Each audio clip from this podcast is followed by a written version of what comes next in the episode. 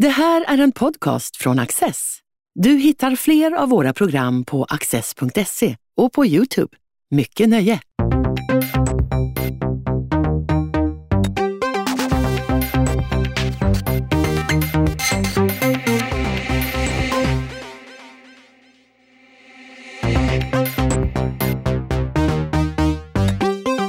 Monica Brå är japanolog och författare.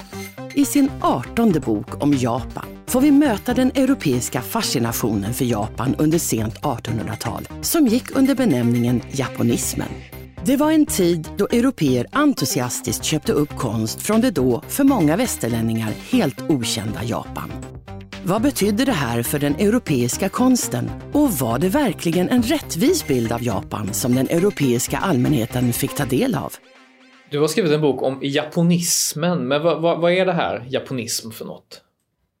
Ja, man kan kalla det en fantastisk vurm för allting japanskt som eh, framförallt eh, ägde rum under andra delen av 1800-talet. Ja, och det, det är ju rätt intressanta omständigheter. Japan fram till ungefär mitten av 1800-talet, det är en av världens mest stängda länder, det är isolerat, det är ju en ö så att de har liksom kunnat utvecklas väldigt mycket på egen hand. Man släpper inte in några, några utlänningar. Så hur, hur börjar japansk kultur spridas under den här perioden? Genom att man tvingade Japan att öppna gränserna. USA tvingade Japan att öppna gränserna eh, och eh, då skyndade sig andra västerländska stater dit också, England, Frankrike, Österrike och så vidare. Och då började man upptäcka vad Japan var, men man visste ju inte vad det var. Så många blev väldigt nyfikna på det, bland annat på japansk konst. Mm. Och vad, vad, när du säger tvingade dem, vad, vad, gjorde man för att öppna upp Japan den här tiden? De kom med krigsfartyg. De amerikanska krigsfartygen seglade in i Tokyobukten och sa öppna upp annars. Vi kommer tillbaka nästa år, ni får ett år på er att tänka. Och, och då etableras små liksom, handelsstationer för, för västerlänningar. Och vad, vad är det de möter för land då? Ett land i, i revolution kan man säga. Därför att det var inte bara för att västerlandet, Amerika och andra länder kom dit och tvingade dem att öppna gränserna som de faktiskt öppnades. Utan det, det system som de hade, samurajsystemet med en shogun som som styrde eh, och samurajer som inte behövde arbeta. Det, fann, det, hade inte varit krig på 200 år, de fick lön från staten men de hade ingenting att göra. Mm. Så de unga samurajerna var oerhört frustrerade eh, och, ville, och gjorde uppror mm. på olika sätt. Det var mycket blodigt. Och för samurajerna var en sorts krigarkast då? Alltså, det var ett krigarkast. Ja. Det var det högsta kastet i samhället. Mm. Och, och de västerlänningar som kommer dit, det, är amerikaner i början. Och engelsmän. Och engelsmän. Mm. Holländare också är där va? Nej, ho Nej, holländare var inte så viktigt. De hade redan varit där länge. De var de enda som fick komma under mm. den här tiden när det var stängt. De fick komma till Nagasaki som var ett slags handelsstation. Eh, men det var engelsmännen, fransmännen, amerikanerna framförallt, öst, lite österrikare lite schweizare mm. som ville sälja klockor.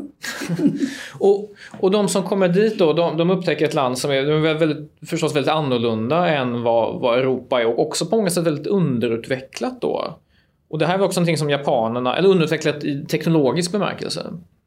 Eh, ja, möjligtvis. I de blev ju rädda för de här amerikanska krigsfartygen för de hade ingenting motsvarande. Mm.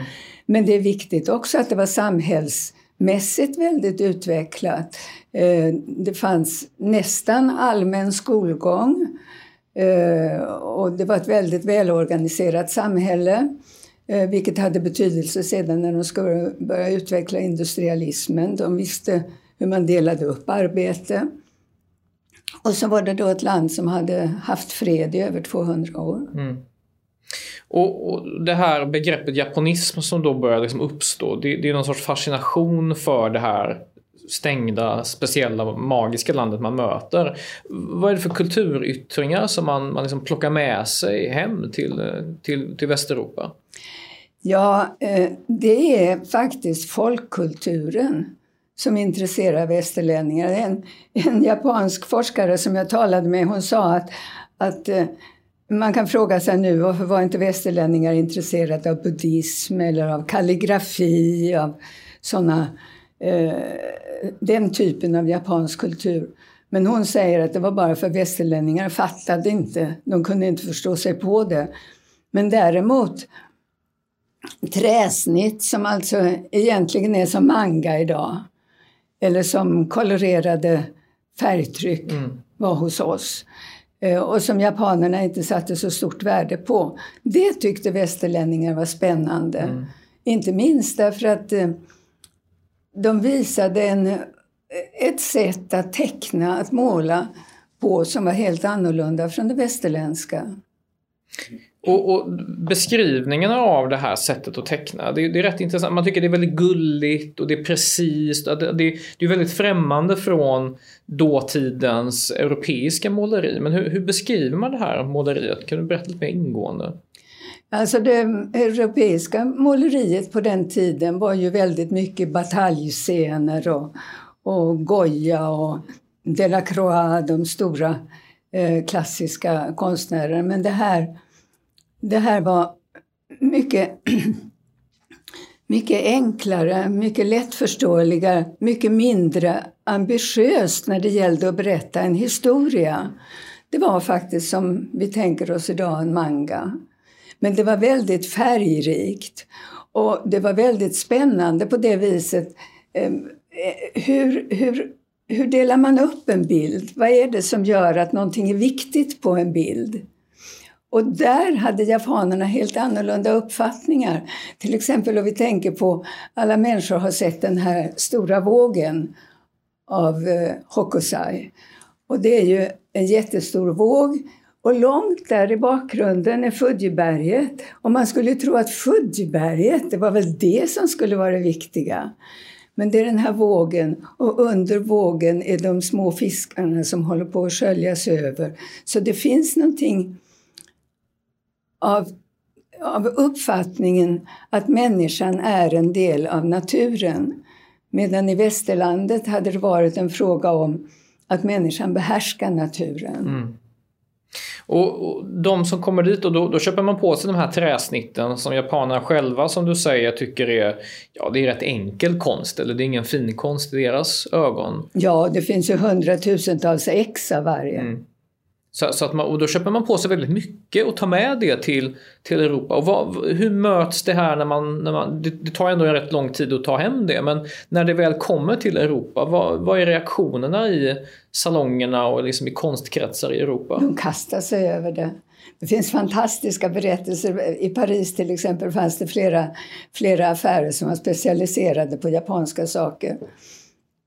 Och det finns berättelser av eh, konstnärer till exempel hur de stod och väntade på att de här paketen, de här försändelserna skulle packas upp. Eh, det eh, fanns speciellt en eh, köpman som hette Sigfrid Bing. Hans affär var eh, jättepopulär och jätteberömd. Eh, och de som fick vara med när de knöt upp snörena och öppnade det här och de som stod utanför och inte inte släpptes in mm. i den innersta kretsen.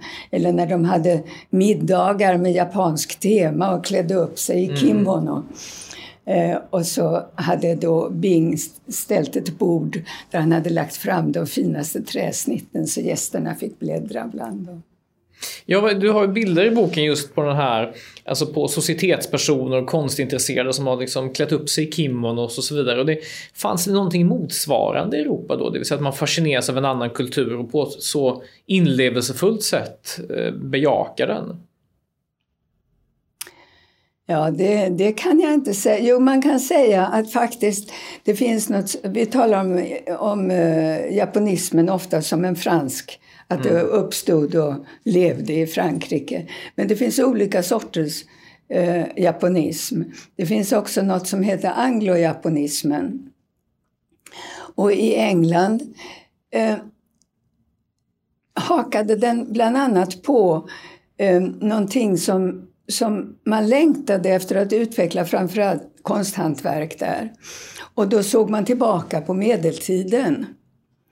Eh, och på 1400-1500-talet och uppfattade den sortens konst som eh, mera människonära mm. än det som hände under industrialismen. För det här har väldigt mycket att göra med industrialismen som fick många människor att känna att vi lever i en hård tid. Mm. Och då kom det här japanska in, precis som medeltidskonsten kom in, som en känsla av någonting som stod närmare människan än den hårda, moderna industriella tiden. Men det verkar som att Européerna får det här mer naturtillvända och mjuka från Japan. Japans sätt att reagera på det västerländska inflytandet blir ju att industrialisera och, ja, bli, men... blir väldigt offensivt. Hur, vad, vad, händer i Japan där i de här, efter de här kontakterna och efter att mycket japansk kultur liksom skickas ut? Och vad, vad händer med landet under de här decennierna sent 1800-tal?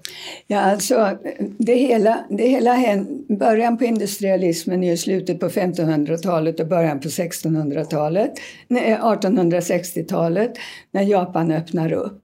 Och Japan, när Japan har öppnat upp så förstår man att nu gäller det för oss att ändra på oss för annars så kommer det gå för oss som det har gått för Kina som har blivit invaderat och sönderdelat, Filippinerna som har blivit kolonialiserat och vi vill vara självständiga. Då måste vi kunna ställa oss upp mot västerlandet och det måste vi göra genom att utveckla industri, industri ekonomi, armé och så vidare. Så till att börja med så bryr de sig inte om det här med, med att västerlandet kommer dit och tar deras konst och deras träsnitt och så vidare. De är fullt upptagna med att försöka utveckla landet. och, och, och eh, så småningom upptäcker de att vi måste ju få in pengar för att kunna utveckla vårt land. Vi måste sälja någonting, måste exportera. Men de har inget att exportera, de har ingen industri. Eh, de har inte så mycket råvaror heller. Och då märker man så småningom i samband med världsutställningar som blev populära i andra, under andra delen av 1800-talet att konst det är någonting som vi kan sälja. Mm. Och det är också någonting som vi kan bygga en image på. Vi har en tusenårig konst. Den är äldre än Frankrikes. Det, det är en fråga om image och att bli respekterad. Och inte bara att bli ett starkt land utan man, västerlandet ska inte tro att det här är någon liten efterbli, efterblivet utland, eh, u-land i Stilla havet. Utan det här är en blivande stormakt. Så hur går man, går man tillväga då från japanskt eh, så att säga, statshåll? Börjar man liksom massproducera eller vad, vad gör man då? Ja, det är just det. Man, västerlandet tror då att ja, det här med träsnitt och så vidare, det är japansk konst. Men japanerna vet ju att vi har någonting annat. Och då börjar de göra saker som ska se japanska ut, sånt som västerlandet tycker om, till exempel porslin. Mm. Börjar de göra porslin, kaffekoppar till exempel. Det är ju ingen som dricker kaffe i Japan än. Men de gör fina kaffekoppar och västerlänningar säger ja, det här är japanskt mm. porslin. Ibland heter det till och med att det är japanskt kejserligt porslin. Mm. Så på något sätt så nästan, man nästan lurar de naiva västerlänningarna att ah, ja, det här är genuina, äkta japanska grejer och så är det någon sorts mass massproducerad Ja, det är det faktiskt. Ja. Men en del av det var ju väldigt konstnärligt. Mm. Till exempel, alltså samurajståndet avskaffades. Samurajerna hade ju haft svärd, varje samuraj hade haft åtminstone två svärd. Så det fanns oerhört skickliga eh, svär, svärdsmeder. Och de hade nu plötsligt ingenting att göra. Och då började man, började man tillverka i samband med det västerländska intresset enorma saker av brons som svärdsmederna verkligen mm. var skickliga på. Det kunde vara, de kunde vara så här höga eh, med drakar och påfåglar och vattenfall och så vidare. Men det var ju inget som var ursprungligt japanskt. Men mm. konsten att göra det var japanskt. Mm. Så att det, det blir någon sorts utrikespolitisk kitsch nästan? Alltså att, ja, att de, in, de, insåg att det här, här kan vi tjäna pengar på. Men, men drog man in mycket pengar på det här? Eh, ja, det var i alla fall det enda man under en, eller det nästan enda man hade under lång tid att tjäna pengar på. Och det blev ju samlarobjekt. Det är jättespännande att se på hur många samlare det fanns. Och sen på 1890-talet när japonismen började komma mot sitt slut och det var andra saker som intresserade de här auktionerna mm. av de stora samlingarna. Ja, och, och någonting som du vidrörde där tidigare var just de här världsutställningarna. Ja. För de var ju väldigt eh, stora och det var många som besökte dem. De pågick under väldigt lång tid. Och Japan är väl ett av de första icke-västliga länder som ställer upp i de här utställningarna. Ja, det var, kanske, det var faktiskt inte på eget bevåg utan mm. det var den brittiske eh, ambassadören i Japan i början på 1860-talet.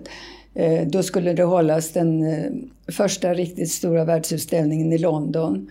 Och han blev tillfrågad, alltså det här fortfarande när det är revolutionära stämningar i Japan. Mm.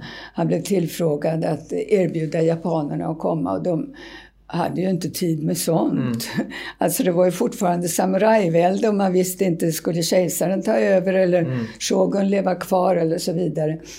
Men den här, han heter Rutherford Alcock. Han samlade ihop saker och han tog med sig en massa japansk till världsutställningen i London 1862. Och på det viset fick världen upp ögonen mm. för japansk konst och japanska japanska föremål mm. överhuvudtaget. Och varje världsutställning man hade därefter så blev det ju mer och mer så. Och sen tog ju japanerna själva över att de till och med byggde en liten byggnad och så vidare. Kan du berätta lite mer om vad de, vad de visade upp senare? Ja, till att, börja med, eh, till att börja med var det ju inte så märkvärdiga saker. Eh, det är ganska roligt under en av världsutställningarna på 1800, slutet av 1860-talet i Paris. Till exempel Tyskland, Krupp, hade den här berömda kanonen Tjocka Berta. Mm.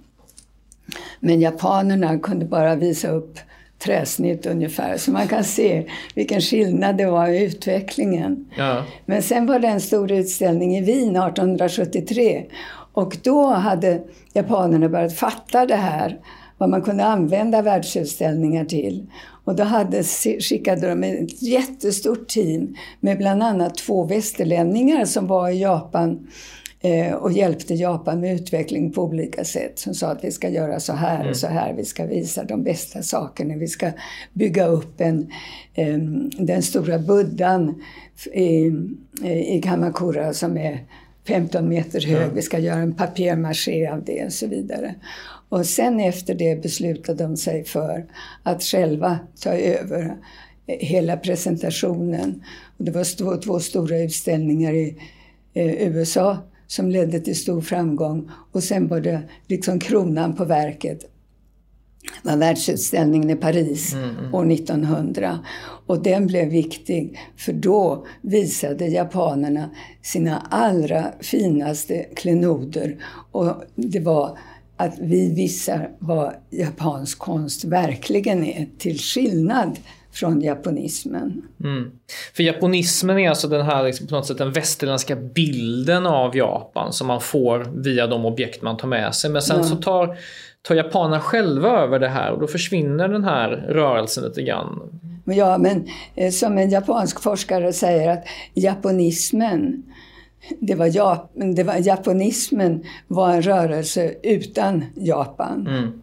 De menar att, att det hade egentligen ingenting att göra med Japan för Nej. de som sysslade med det visste så väldigt lite, förstod så väldigt lite av mm. Japan.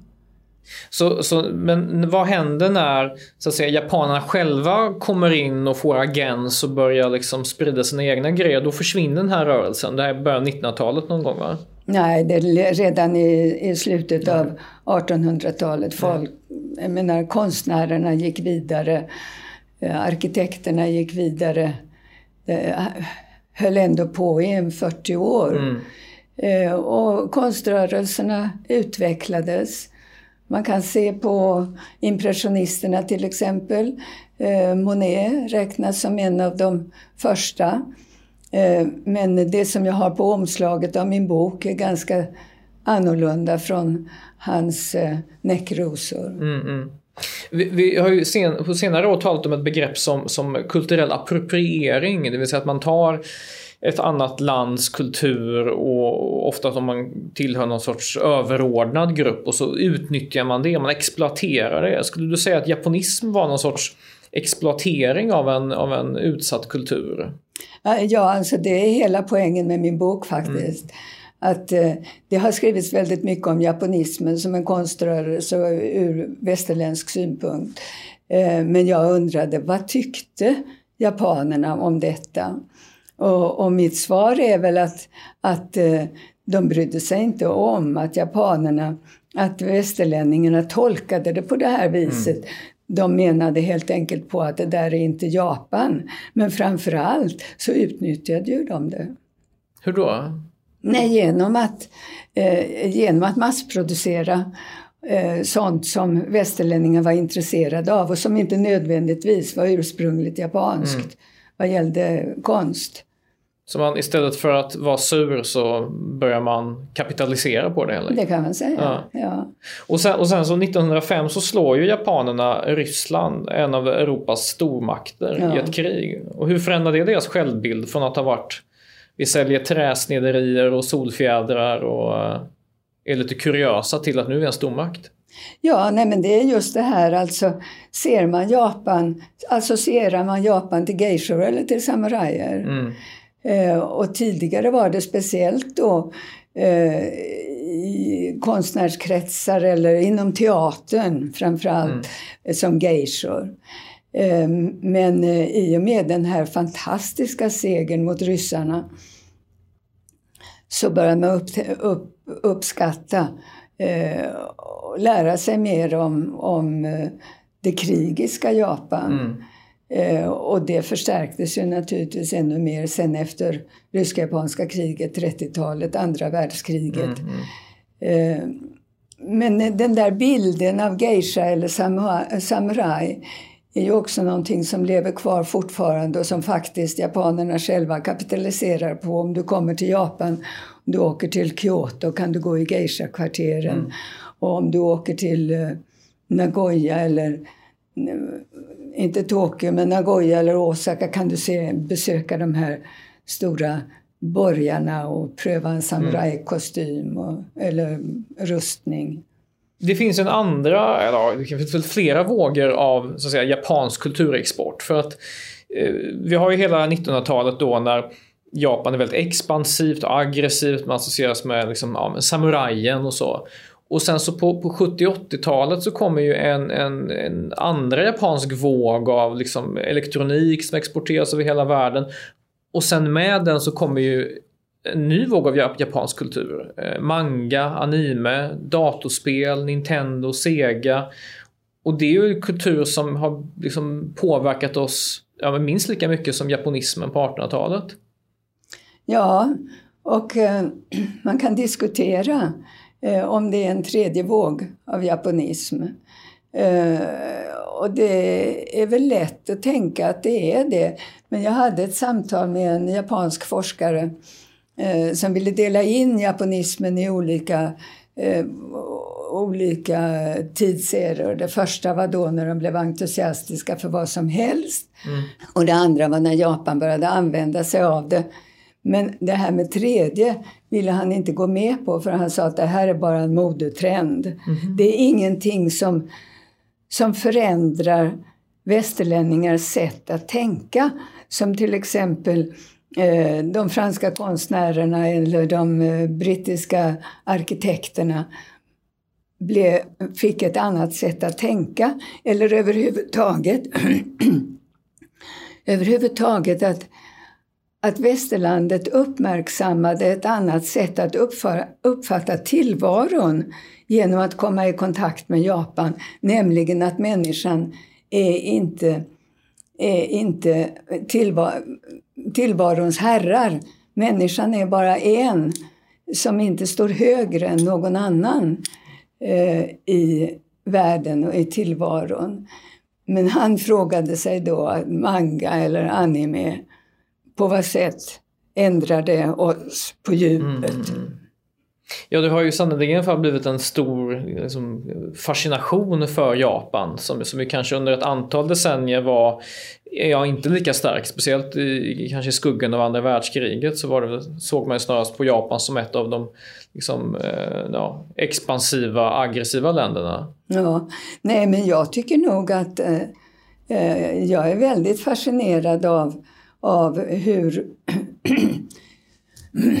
förlåt, hur stort inflytande eh, den här formen av japansk populärkultur har på eh, yngre generationer. Alltså när jag först kom till Japan eh, i slutet på 60-talet så var det här ju någonting som man överhuvudtaget inte tänkte på. Men nu är det det som alla tänker mm. på, så att säga. Och som också tar upp väldigt mycket av japansk folkkultur till exempel.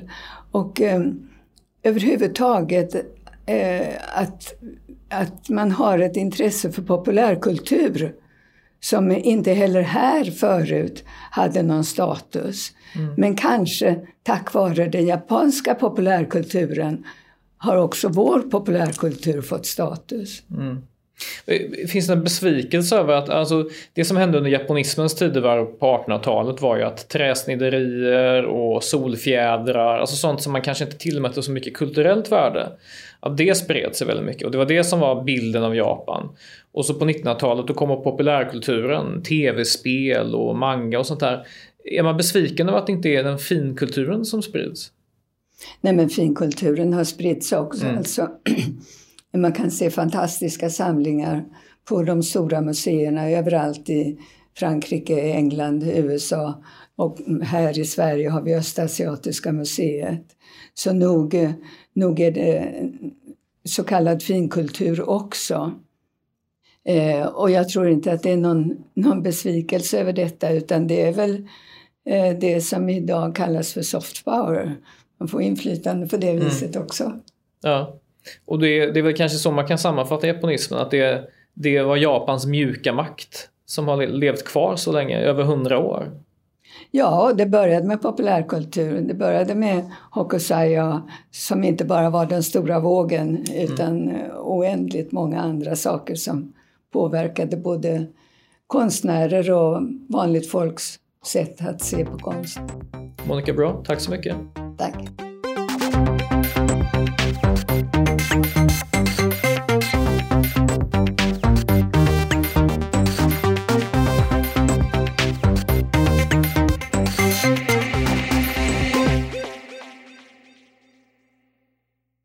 Du har just lyssnat på en podcast från Access. Du vet väl att vi också är en tv-kanal och tidning? Teckna en prenumeration idag på access.se.